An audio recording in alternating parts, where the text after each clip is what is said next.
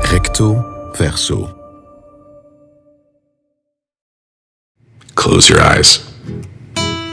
As long as you're here listening, you're all mine. Do you understand? Auditieve erotiek zit in de lift blijkbaar. Misschien heeft het iets met corona te maken. Recto Verso vroeg ons om op verkenning te gaan. Tussen porno en kunst om naar te luisteren. En wat het nu precies is dat ons bloed wat warmer doet stromen. Zal ik nog een beetje wijn inschenken? Wacht, hè. is het die glas? Ja. Zo. We zullen gewoon beginnen. Hè? Dag Anaïs, historica en schrijver. Dag Catharina, podcastmaker en audioverhalenonderzoeker. Ja, zit je comfortabel? Want we hebben maar één microfoon waar we om de beurt in spreken voor de intimiteit van deze podcast. Ik zit eigenlijk wel goed zo dicht bij elkaar. Ik wil dat je me meeneemt naar de allereerste scène van Vuile Lakens die je ooit hebt opgenomen. Als ik eraan denk, dan weet ik dat mijn stem trilt. Maar ik denk niet in de mate dat andere mensen het horen, maar ik hoor het wel. Als ik jaren later teruggeluisterd heb naar die allereerste scène die ik opnam voor de podcast over de geschiedenis van gender en seks en lichaam vuile lakens. Wanneer de track begint te spelen, zie ik dan ook helder voor me wat alle anderen zich alleen maar kunnen inbeelden. Je maakt me enthousiast, moet ik zeggen, hoe dat eruit ziet op dit moment. De houten vloer van mijn slaapkamer waar mijn co-presentatrice Helene op ligt. Benen onhandig opgetrokken tegen het voeteneinde van het IKEA-bed. Zo'n stoffig schapenvachtje onder haar heupen geschoven. Comfortabel dat wel, maar misschien niet erg hygiënisch. Ik balanceer boven haar met een veel te grote spiegel, de enige die we hadden, van de badkamermuur gehaald. En zij probeert het speculum tussen haar lippen te wrikken. Het speculum? Zo'n eendebek die je bij de gynaecoloog die ze gebruiken om je, om je schaamlippen open te brengen en dan naar je cervix te kijken.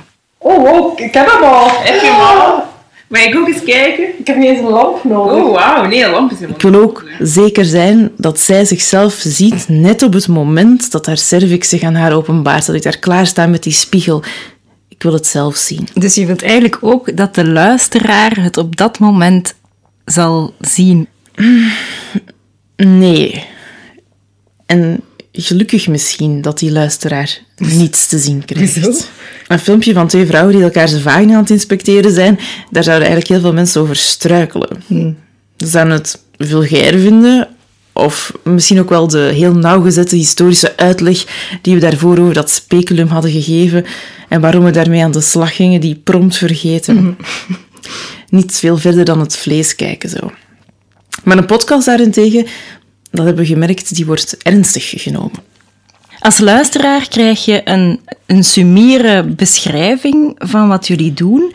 En wanneer ik jou dan boven de geopende benen van Helene zie hangen in het geluid, dan hoor ik dat het geluid eerder gedempt is. Hè? Ook al beschrijf je het niet echt helemaal. Maar soms vallen jullie stemmen weg, hoor ik jullie stemmen bijna op de achtergrond. Jullie gaan de luisteraar niet bij de hand nemen in die scène. En je beschrijft bijna niet wat je doet, maar ik hoor wel enthousiaste kreten en een gedempte lach en wat nerveus geklik met die eendebek of dat speculum. Ik hoor wel een echte scène tussen mensen die diep in elkaars vochtige lichaam gaan kijken. En op het einde van die eerste aflevering, dan zeggen jullie zelf al zo'n beetje lachend dat jullie de technische kant, ehm, dat die technische kant van de opname wat aan jullie voorbij gaat. En is dat dan zo? Wel, we lachen daar altijd een beetje mee. We hadden gezegd van dat is onze DIY-esthetiek, maar we eigenlijk niet echt zo technisch onderlegd zijn.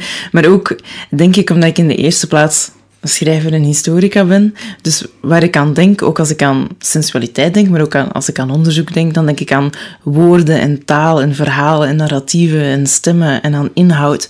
En veel minder aan geluid en aan ritme. Want ik zou me dan als maker veel meer gaan bezighouden met zo het perspectief van de stem, de nabijheid van de stem, een opbouw van een scène. Dat je bijvoorbeeld Helene hoort hijgen van spanning en, en jouw concentratie. Of bijvoorbeeld het zacht smakkende geluid van Helene's uh, lippen. Welk geluid zou het speculum maken in haar vagina? Nu word ik als luisteraar een klein beetje naar buiten gehouden alsof ik in het deurgat sta mee te kijken naar een heel intiem moment tussen jullie twee. Ja, vreemd genoeg ervaarde ik een andere emotie, namelijk een vorm van jaloezie. Een jaloezie van twee heel goede vrienden die daar iets aan het bekokstoven zijn en ik die als luisteraar een beetje op afstand wordt gehouden. Wel, uit de respons op vuile lakens merkte ik wel dat er iets heel specifieks gebeurt wanneer je seks aansnijdt in een medium dat eigenlijk niet rechtstreeks visueel is. Ik heb het gevoel dat luisteraars vaak zeggen dat ze zelf makkelijker toegang vinden tot zo zinnelijke onderwerpen. Het bijna prettig lijken te vinden om ons cultureel, maar ook ons seksueel oculaircentrisme te lossen. Dat het visueel eigenlijk heel vaak centraal staat. Dat het, mhm. het zintuig dat we het meeste stimuleren het, het kijken is. En dat ze luisteren soms als gelaagder lijken te ervaren dan kijken. En intiemer ook, denk ik. Ik, Mm Ik heb ooit eens een luisteraar gehad die gestuurd heeft... Ik vind het een opluchting om lichamen eens alleen te horen. Ik, zou het kunnen omdat het dan makkelijker is om op jezelf te betrekken?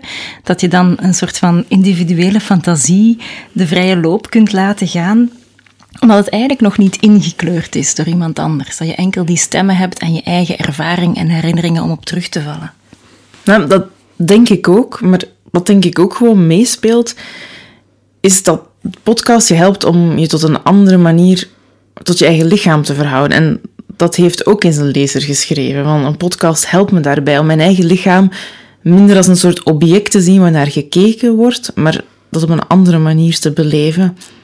Een beetje alsof we door seks vanuit geluid te benaderen een uitweg uit dat keurslijf van het visuele proberen te zoeken. En gaat het dan meer om wat er zich binnenin ons afspeelt, vraag ik me dan af? Dat denk ik wel. Ik denk dat een bepaalde belichaamdheid daardoor centraler komt te staan. Dus niet het lichaam als een object waar we naar kijken, maar een lichaam als iets dat bezield, bevoeld en beleefd wordt ik voel toch dat er gezinspeeld wordt op hetgeen dat er gezien wordt. Bijvoorbeeld in die eerste scène van jullie podcast Vuile Lakens. Dan heb je wel degelijk een beeld van een vloer van een slaapkamer die kraakt en een draaiende kont op die, op die vloer en je ziet hoe zweterige handen uh, klungelen met een speculum met requisieten. En de, en de schapenvacht maakt al het geluid een klein beetje doffer. Dus op een bepaalde manier schep ik wel beelden in mijn geest natuurlijk. En die luisteraar die hoort dat trillen in die stem wel. Die hoort een zenuwachtigheid. Ontzag voor die roze open baarmoedermond, zoals je zegt.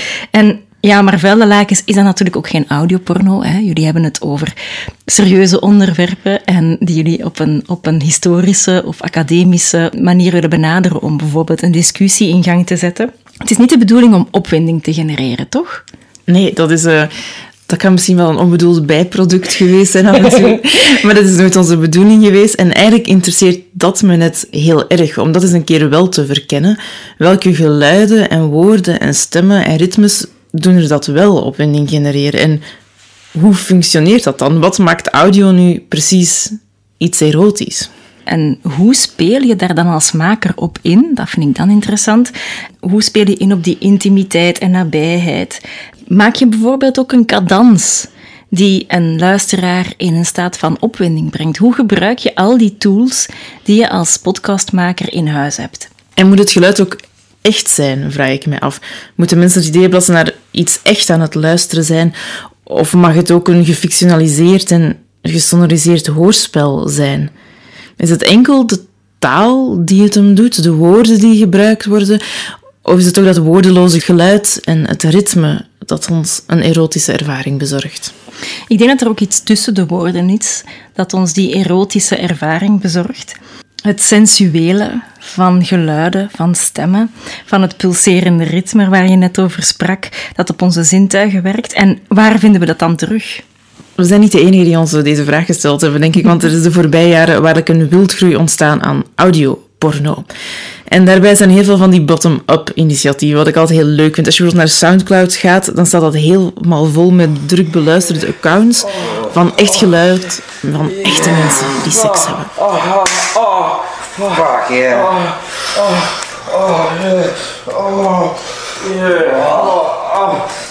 En is dat dan je zoekopdracht? Echt geluid van echte mensen? Ik denk dat als je op eh, real orgasm zoekt, dat je er dan wel eh, op terecht komt. En Reddit ook, eh, die heeft een hele eh, Gone Wild audio thread, waarmee dan 400.000 leden allerlei zelf opgenomen geile verhalen en geluiden met de meest gedetailleerde scenario's, maar soms ook helemaal niet. Soms zijn het ook gewoon geluiden met elkaar delen. En zelfs op YouTube, dat er toch echt wel onbekend staat dat het elke seksueel getinte inhoud rigoureus probeert te verwijderen, vind je best wel erotisch getinte ASMR. Van die Autonomous Sensory Meridian Response clips. Dus dat gaat dan verder dan iemand die met de nagels over de microfoon krabt of die een blikje spuitwater open doet of zo. Het gaat dan, want dat is allemaal verholen erotiek, ASMR, vind ik. Of het gaat, kan ook heel expliciet zijn. Het is ook een vrij expliciete ASMR die er echt voor bedoeld is. Als je het helemaal zou beluisteren, dat je zo extatisch wordt dat je een soort handeloos orgasme zou kunnen beleven.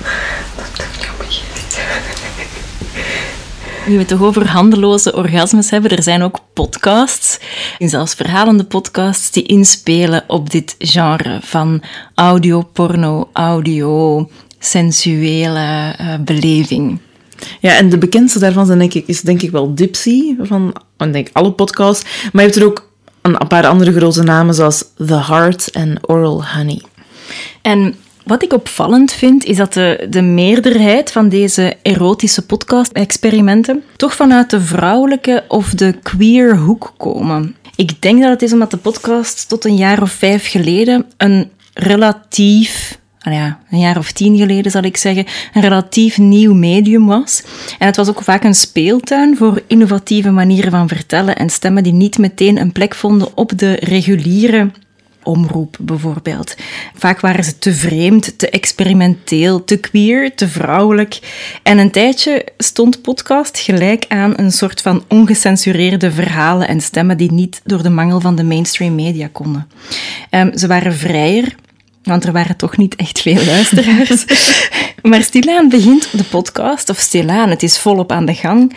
Het is volop bezig eigenlijk dat de podcast meer en meer ingepalmd wordt door uh, de wetten van de vrije markt. Ik zou misschien zelfs durven zeggen van ook een vrije markt in bijvoorbeeld ook die erotische industrie. Ik weet dat we dat, een, denk toen we met Vellakens begonnen, een jaar of zes geleden, echt als een vrijplaats ervaren hebben. En dat ze nu al een beetje met je lachen als je geen duidelijk verdienmodel achter je podcast hebt zitten, wat uh, toen absoluut niet zo was. Ja, dat is zeker. En ik denk dat dat ook invloed heeft op de inhoud. Maar we kunnen vandaag even onder ons uh, toch inzoomen op die misschien een paar meer vrije vormen. Ik was eigenlijk aan het nadenken over waar, waar en wanneer hoor ik erotische geluiden. En een van de, grote bronnen van erotische geluiden is natuurlijk porno. Maar het grappige is, wat ik zelf eigenlijk heel vaak doe en wat ik van andere mensen ook hoor dat vaak gebeurt, is dat mensen porno opzetten en het geluid afzetten. Mm. Omdat ze dat kunstmatig steunen en zuchten en kreunen eigenlijk niet kunnen verdragen. En dat is ook eigenlijk bijna iconisch geworden. Hè? Dat, dat porno gesteun, dat is op zichzelf een soort auditieve pars voor porno geworden. Maar eentje die eigenlijk in de populaire cultuur veel vaker wordt ingezet om mee te lachen dan om geilheid uit te lokken. Echt geil lijken we dat niet meer te vinden. Maar woorden, dat, dat is wat anders. Sinds de opkomst van Pornhub wordt de online pornografie veel meer gestuurd door de proliferatie van heel gespecialiseerde zoektermen. Dat ontdekte de Britse journalist John Ronson in zijn onderzoekspodcast over de hedendaagse porno-industrie, The Butterfly Effect. Een vuile praat is zo een van die zoektermen, maar razend populair is die zoekterm eigenlijk niet. Alleen in Duitsland lusten ze er wel uh, pap van, en dat is volgens de eigen statistieken van Pornhub. Maar andere talige of zelfs auditieve zoektermen, dat ontbreekt eigenlijk. Behalve bedacht ik mij als het bij de affiniteit van de Fransen en de Belgen voor de categorie Français toch ook een beetje om de geilheid van de taal te doen is. Je kan met woorden ook snel de dieperik induiken, denk ik. Dan het beeld van een pik is een pik is een pik. Maar een fout gekozen term of het foute moment, dat slaat echt alle erotiek stuk. Dan wordt het al snel een beetje beschamend en gênant. Ja, en dat is echt het uitgangspunt van de populaire podcast My Dad Wrote a Porno. En daarin leest dus een bekende Britse tv-maker voor, Jamie Morton heet hij, uit de barslechte erotische roman Berlinda Blinked. Jamie, why are we here? We're here because my dad's written a porno. Your dad's written a porno. Erotic literature. Why? En eh, Jamie en zijn vrienden proberen het geheel dan ook van gevatte commentaar te voorzien. Want die Belinda uit Belinda Blinkt is bovendien ook nog eens het rondborstige geesteskind van de gepensioneerde vader van Jamie. En dat maakt het geheel helemaal gênant, vertelt deze podcast ons. Hij is de hele tijd beschaamd over zijn vader. En, en, en de, de vrienden vragen bezorgd van hoe is het met je moeder, Jamie? I think all stages of reading this book, we should never forget that your dad wrote this from his mind. Yeah. And that is both scary and.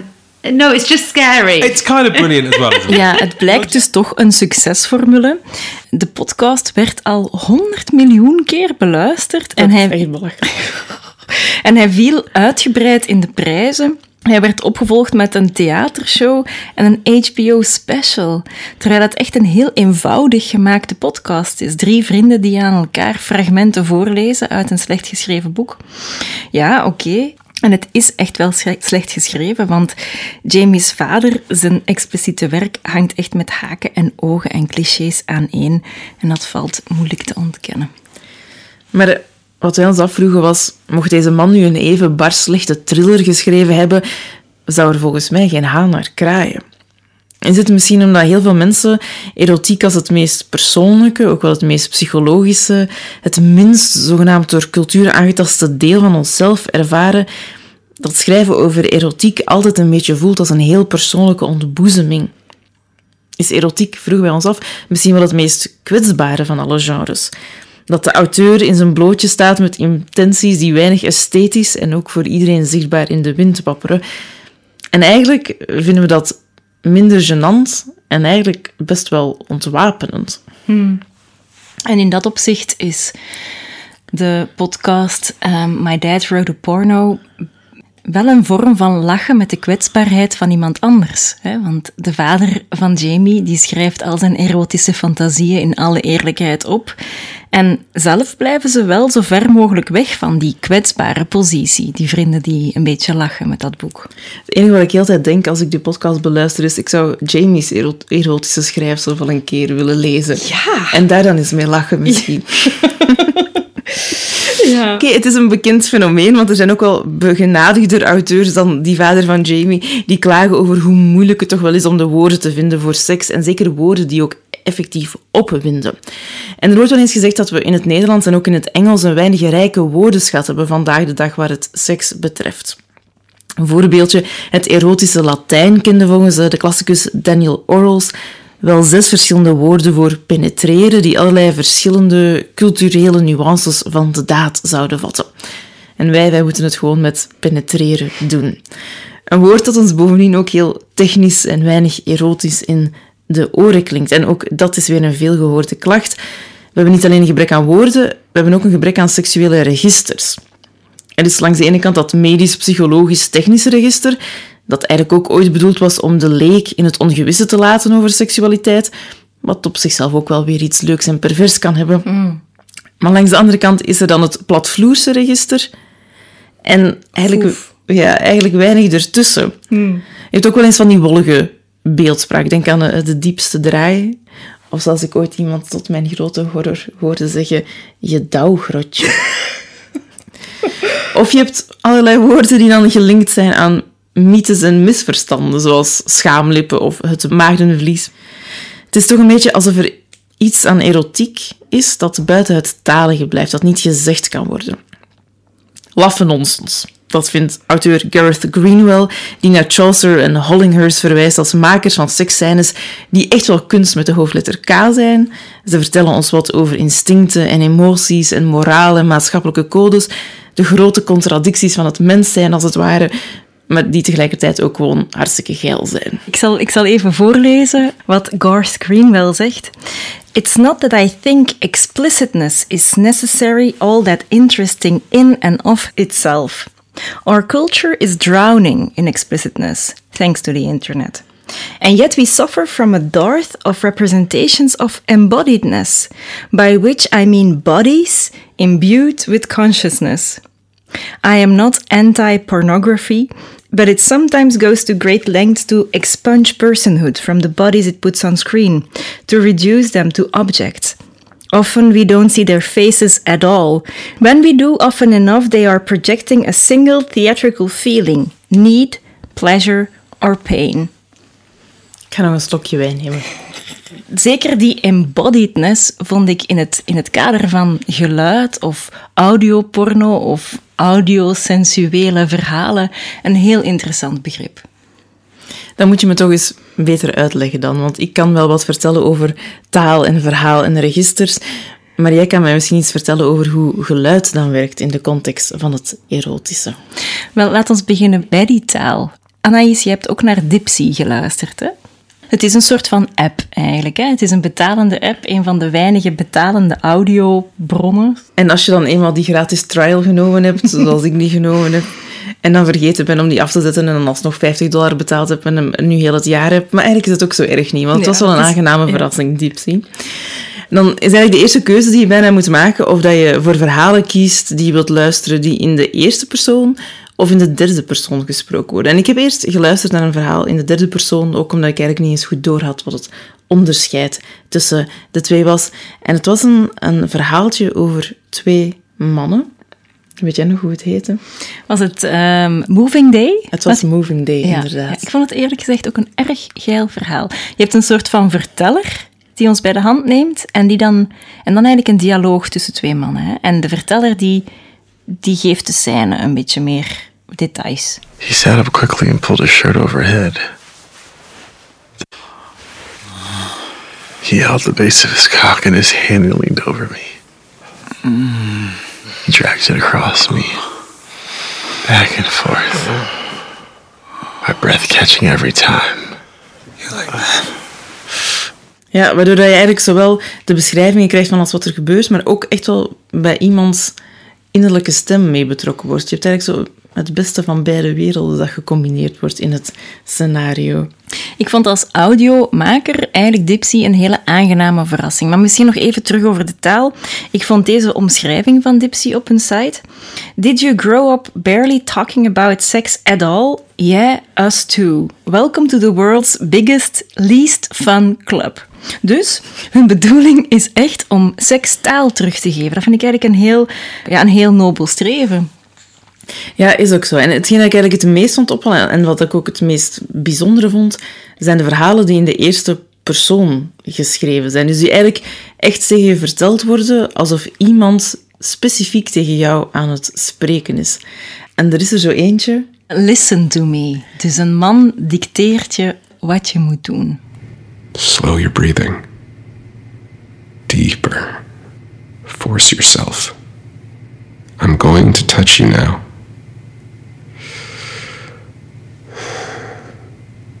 I like you like this.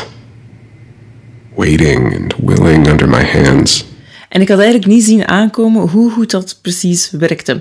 Ik had, ik had eerst een paar verhalen nodig om erin te geraken op mhm. Dipsy. En het vorige verhaal waar we het over hadden, Moving Day, was het eerst waardoor ik er echt helemaal in kwam. En dan kwam Listen to Me. Ja. En toen was ik helemaal vertrokken. Het gekke is eigenlijk dat er ook gezegd wordt, doe je ogen toe en luister naar wat ik zeg, waardoor dat je eigenlijk perfect in de positie bevindt waarin dat de persoon waar tegen gesproken wordt in die podcast zich bevindt en die twee personages eigenlijk volledig samenvallen. En daarna wordt er verteld wat dat je moet doen. Het heeft een lichte kinky ondertoon. En ik merkte dat mijn lichaam effectief reageerde op wat die man in die podcast tegen mij aan het vertellen was, zoals mijn lichaam zou reageren als er een man naast mijn bed zou staan en diezelfde dingen zou zetten. Ik voelde echt bijna lijfelijk hoe dat hij tegen mij zei van... Voel je tepels eens tegen die koude plaat drukken waar je op ligt. Ik voelde mijn tepels bijna hard worden van tegen die koude plaat te drukken waar ik niet eens op lag. Het werd dus een heel belichaamde ervaring en dat vond ik heel bijzonder. Als ik naar porno kijk, krijg ik vaak een soort... Ik noem altijd een genitaal geil. Als in dat je echt zo een opgebolde geilheid zo in je geslachtsdelen krijgt. En dan moet je heel snel iets mee doen. Want je bent heel opgewonden, het moet eruit. Heel lokaal. Heel lokaal, inderdaad. Maar het effect dat deze verhalen op mij hadden, was veel meer het effect dat ik eigenlijk heb als ik met iemand aan het vrijen ben. Dat een, een sensatie wordt die zich niet alleen ter hoogte van mijn clitoris ongeveer bevindt, maar die over heel mijn lichaam zich verspreidt. Waarbij mijn dijen betrokken zijn en mijn borsten. En alles werd eigenlijk meevoelend tijdens die podcast. En dat vond ik heel bijzonder. Dit doet me denken aan een herinnering van goede seks. hè. Dat kan je ook zo hebben. Dat als je denkt van, oh, dat was heel leuk toen, dat je dan opeens zo dat nog echt fysiek in je lichaam voelt. En er is ook zoveel consent Dat is in die waar. podcast. En duidelijk ook heel queer, waar mensen heel goed met elkaar kunnen praten. Erg aangenaam, eigenlijk. Dat is ook zo. En wat het, dat communiceren ook heel sensueel blijft.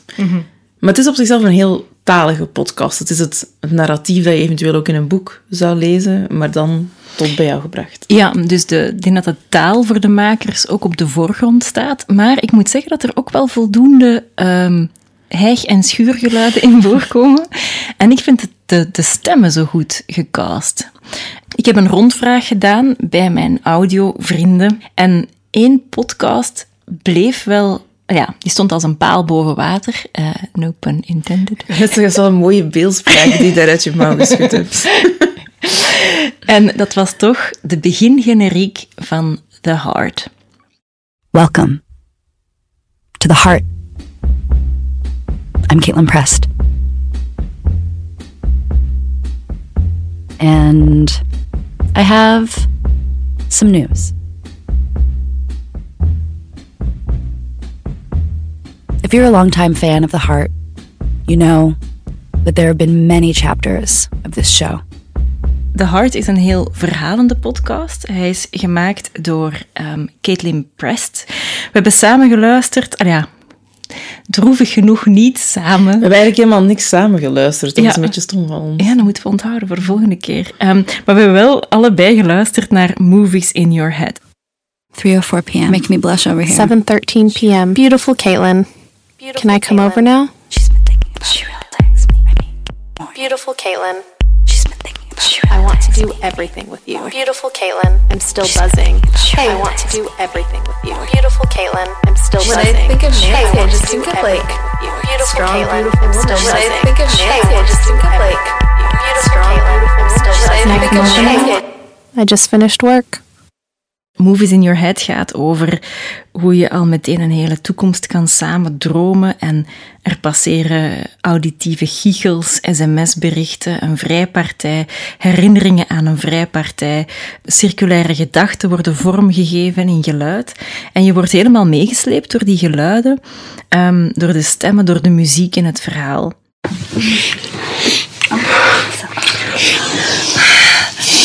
Did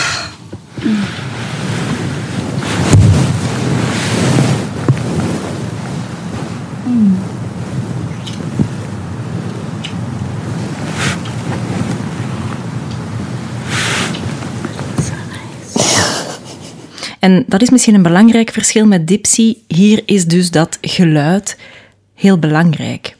Ja, het is een beetje het, het verhaal geeft richting, de stemmen geven richting, maar het geluid is hetgeen dat je meesleept. I can't stop thinking about her. when I think of Nancy, I just think of like strong. I can't help it. I'm still buzzing. Are you nervous? No, moms love me. Ik had echt het gevoel, op bepaalde momenten voel je, hoor je zo koren van stemmen die herhaald worden. Het creëerde echt een roes bij mij. Een beetje alsof iets genomen had. Ik had ook een beetje het gevoel van controleverlies. Mijn hoofd dat begint te spinnen en te gonzen. Je hebt zo'n bepaald moment dat een bel, dat ze zit te wachten op een, op een sms, dat de beltoon zich herhaalt en multipliceert en inderdaad bijna zo'n een roesopwekkend ritme krijgt. De herhaling, de cadans van alles, het gekraak tussen de dingen in. Een heel sensuele ervaring in het geluid eigenlijk. Helemaal anders dan Dipsy, maar op zijn manier werkt het ook. Ja, het is dus niet alleen het, het één op één geluid van seks. Hè? Dus bijvoorbeeld, zoals ik zei, het schuren en het zuchten bij Dipsy. Maar echt het, het geluid zelf dat zo sensueel is. Ik vind ook een beetje de, de sensualiteit of de seksualiteit van queer. En ik moest denken aan een, een citaat van Petra van Brabant, die filosoof. Het was een beetje voor mij de haast auditieve vertaling daarvan op de een of andere manier. En eh, zij zei: ehm, queer porno is dol op vocht. In de gewone porno heb je natuurlijk ook wel eens af en toe een cumshot. Maar in queer porno kan echt alles nat worden. Zaad, liters glijmiddel, melk, slijm, bloed, speeksel, zweet, vaginaal vocht, vrouwelijk ejaculaat. Als ze goed nat zijn, dan glijden die lichamen veel makkelijker over en nip op en in en onder elkaar. En dan gaat het over werkelijk alle delen van het lichaam, niet alleen over de genitaliën zoals je in doorsnee porno ziet. Bovendien is er dan niet meer een object dat bezeten kan worden, want alles is veel te glibberig om nog bezeten te worden. Als je nat wordt, dan kom je in een roes, word je klaargemaakt om je te laten gaan. Het subject, dat verdwijnt in het vocht. Je vergeet wat je van plan was, wat je zou horen te doen. Je laat je meeslepen en je sleept ook mee.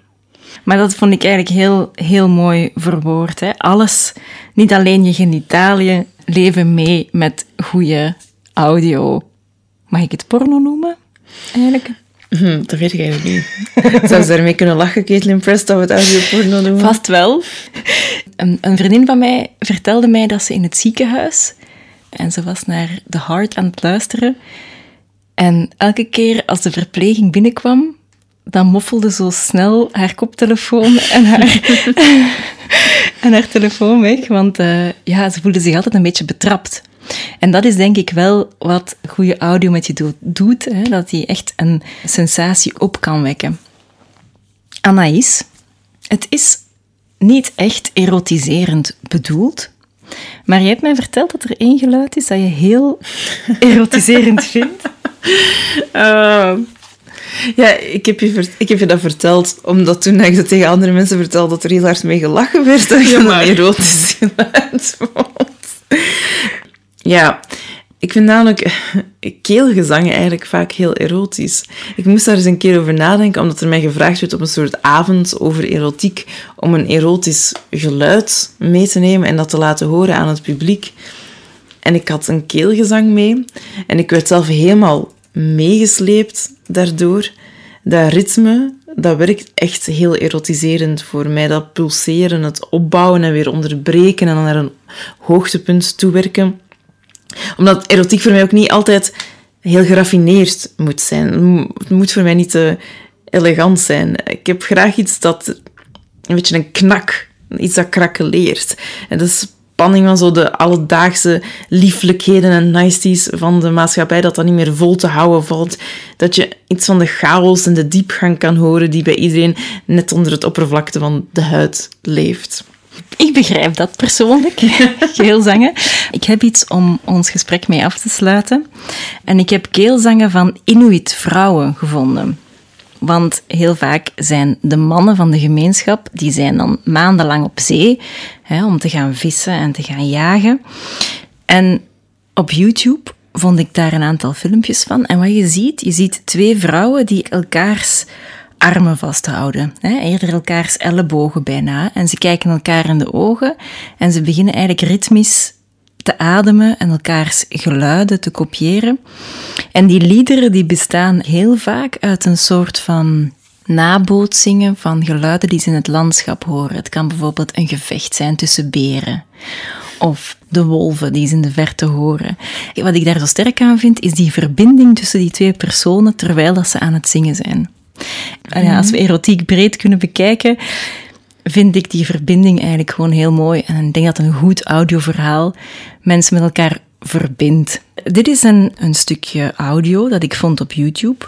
En je ziet twee jonge vrouwen die ergens in het hoge noorden van Canada aan de rand van het water staan. En ik wil het je nog laten horen. Ik ben nu wel heel nieuwsgierig, moet ik zeggen. Het heet Love Song. Love Song.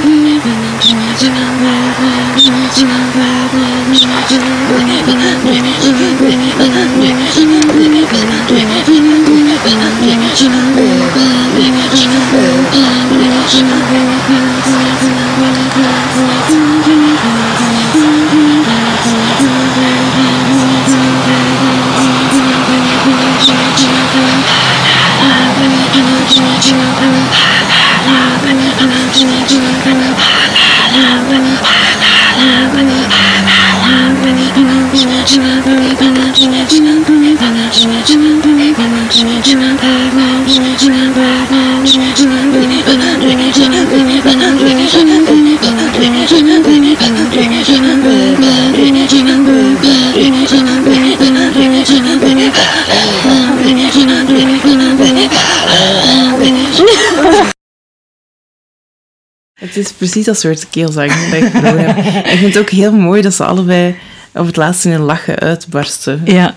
Nadat eh, het tot een, een hoogtepunt gekomen is, dat ze allebei beginnen te lachen. Ja, en er komt ook een bootje voorbij. Dat vond ik ook heel leuk. Het is, een heel, het is echt precies dat, dat heel Ja? pulserende en ritmische en opbouwende. Het hoeft niet per se heel luid te zijn. Dit heeft ook iets, bijna iets heel zacht en heel, heel iets intiem of zo. Mhm. Maar die opbouw van dat naar iets toewerken met twee mensen, dat erin zit, dat je voelt. Dat is precies waar ik het over heb eigenlijk.